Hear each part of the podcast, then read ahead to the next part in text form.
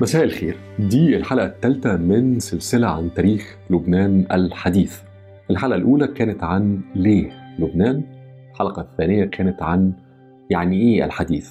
يعني هنبتدي منين بالظبط وإيه الفترة التاريخية السلسلة هتغطيها؟ هذه الحلقة عن هذه اللحظة الأولى وهي في 1820 1830 في الفترة دي حصل شيء في غاية الأهمية وكان بعيد عن لبنان. حدث في مصر. 1820 آخرها 1830 أولها كان عدى تقريبا 15 20 سنة على بداية حكم محمد علي باشا في مصر. وفي ال 15 20 سنة دول بنيت في مصر دولة حديثة فعلا. دولة حديثة مش بس بمقاييس الدول اللي في المنطقة المحيطة بمصر لكن دولة حديثة بمعيار أو مقارنة بكل حوض البحر الأبيض المتوسط. بما في ذلك الدولة العثمانية أو الإمبراطورية العثمانية اللي هي مصر وقتها نظريا على الأقل جزء منها. مصر وقتها اتعمل فيها اقتصاد تحت أي معيار كان قوي. حقيقي انه غالبية المصريين وقتها كانوا عايشين أما في دلتا النيل أو في صعيد مصر ومتطلباتهم كانت يعني قليلة قوي ال responsibilities التزامات الدولة بالنسبة لهم كانت محدودة قوي لكن بالرغم من ذلك مقومات الاقتصاد المصري وقتها اللي اتبنى في 15 20 سنة من حكم محمد علي كانت مقومات شديدة قوي الدولة المصرية نظمت بشكل حديث للغاية تقريبا يقارن بدول جنوب أوروبا وقتها وأحيانا أحسن كتير من بعض دول جنوب أوروبا.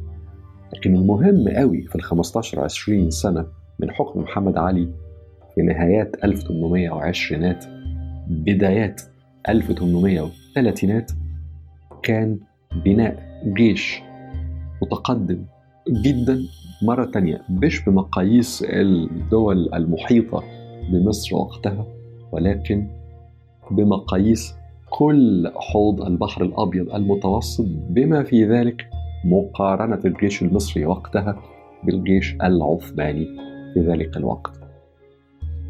مع هذه الدولة الحديثة القوية الاقتصاديا المرتاحة اللي اتبنت في مصر أحيط وقتها بمحمد علي وبابنه إبراهيم باشا عدد من الناس اللي ساعدوا في بناء هذه الدولة.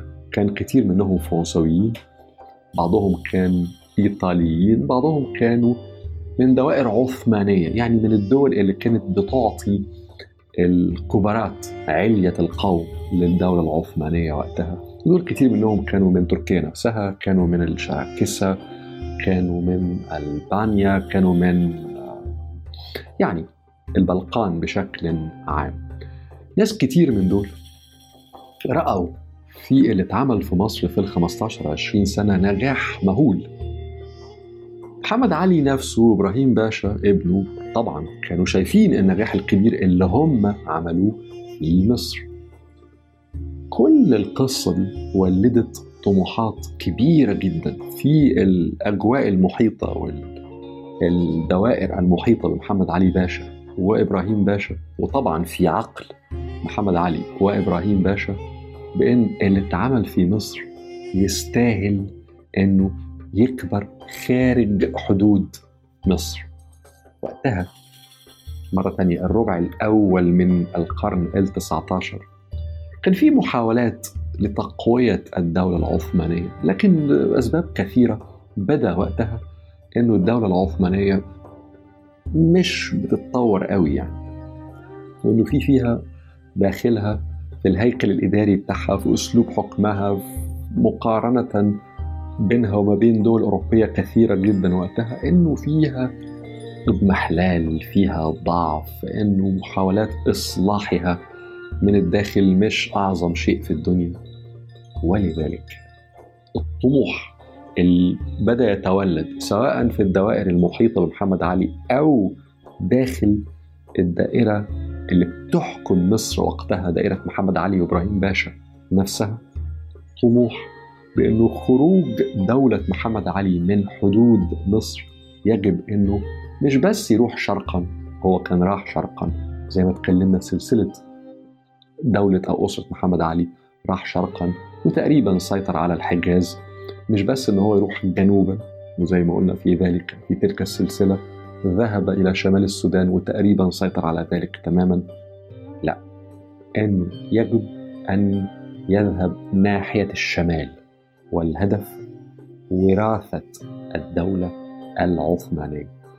هدف كبير قوي وقتها وهدف إمبراطوري يعني العثمانيين وقتها العثمانيون وقتها. بيحكموا كل الشرق الأوسط وأجزاء مش قليلة من أوروبا طبعا غير تركيا بقالهم تقريبا 350 400 سنة. ففكرة إنه دولة محمد علي اللي في مصر إن هي تخرج مش بس تحاول إن هي توسع الأرض التي تسيطر عليها زي ما عملت في الحجاز زي ما عملت في شمال السودان لا تحاول إن هي ترث الإمبراطورية العثمانية ده طموح رهيب رهيب يعني وقتها. لكن النجاح الكبير اللي اتعمل في مصر في ال 15 20 سنة من حكم محمد علي مع الطموح الرهيب اللي تولد في الدوائر المحيطة بمحمد علي مع حالة الضعف وإنه التطورات ومحاولات تطوير الدولة العثمانية مش أعظم شيء في الدنيا كل هذه الأشياء مع بعض خلى هناك قرار في دائرة الحكم لأسرة محمد علي وقتها يعني محمد علي وإبراهيم باشا بالذهاب شمالا لكي تحاول دولة محمد علي مش بس إن هي تاخد أجزاء معينة من السلطنة العثمانية لأ ترث السلطنة العثمانية يعني إيه بقى؟ الحصول على ذلك تحقيق ذلك يستدعي إنه حاجتين يحصلوا. إنه الأسطول المصري يستطيع إنه يذهب شمالا إلى تركيا إلى إسطنبول ويسيطر على كل شرق البحر الأبيض المتوسط يهزم الأسطول العثماني ويصل هناك و to establish itself زي ما بيقولوا يعني يثبت أقدامه في هذه السواحل. وده له قصة حصلت لكن مش موضوعنا دلوقتي. موضوعنا دلوقتي الشيء الثاني وهو أنه الطريق البري من سيناء وصولا إلى أقصى شمال الشام إلى حدود تركيا يتم السيطرة عليه. دي كانت بداية فكرة أسرة محمد علي بأنه لابد لها من السيطرة على الشام. مش بس لأنه الشام نفسه كان مهم لكن لأنه كان الطريق البري ذهابا شمالا إلى تركيا إلى إسطنبول في النظر للشام محمد علي وإبراهيم باشا بالذات اللي هو القائد العسكري لجيوش محمد علي رأوا أو رأى إن سوريا بالذات هي المفتاح في الشام للوصول إلى تركيا للوصول إلى الدولة العثمانية ليه؟ أولا لأنها جغرافيا هي المساحة الأكبر في الشام. ثانيا لأنها ديموغرافيا من ناحية تعداد السكان هي البلد الأكبر في الشام. ثالثا أنه تركيا في نهاية الأمر وقتها أو السلطنة العثمانية وقتها في نهاية الأمر هي الخلافة الإسلامية في العالم السني. معنى ذلك إنه احتمالية إنه ممكن حد يدافع مع الجيش العثماني على هذه الخلافة العثمانية هيبقى غالبا من السنة مسلمين السنة الموجودين في الشام. أكبر تجمع من المسلمين السنة الموجودين في الشام في سوريا وقتها والنهاردة لكن وقتها يعني في سوريا. حقيقي الحساب بتاع إبراهيم باشا إنه العثمانيين أساءوا جدا إدارة سوريا لفترات طويلة للغاية وإنه وقتها في بدايات القرن ال19 كان حقيقي موجود ممثل للسلطان العثماني والي على سوريا لكن الأمر والنهي فعلا كان موجود لدى ناس بقايا كده بعضهم كان يكاد يكون عصابات يعني هي المتحكمة في المدن الرئيسية السورية. فمعنى ذلك إنه أغلب السوريين وقتها ما كانش عندهم يعني حب قوي للعثمانيين ولا هيدافعوا عن العثمانيين ولا حاجة.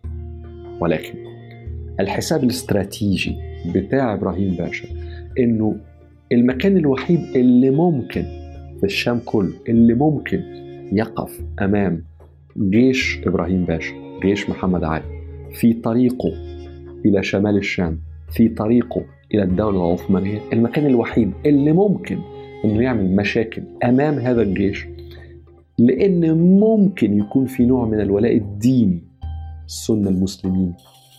في هذه المنطقة هو في سوريا. فده كمان بالإضافة إلى أن سوريا جغرافيا هي الأوسع والديموغرافيا هي الأكبر. كمان العامل الديني خلى في حساب إبراهيم باشا إنه يجب السيطرة على سوريا.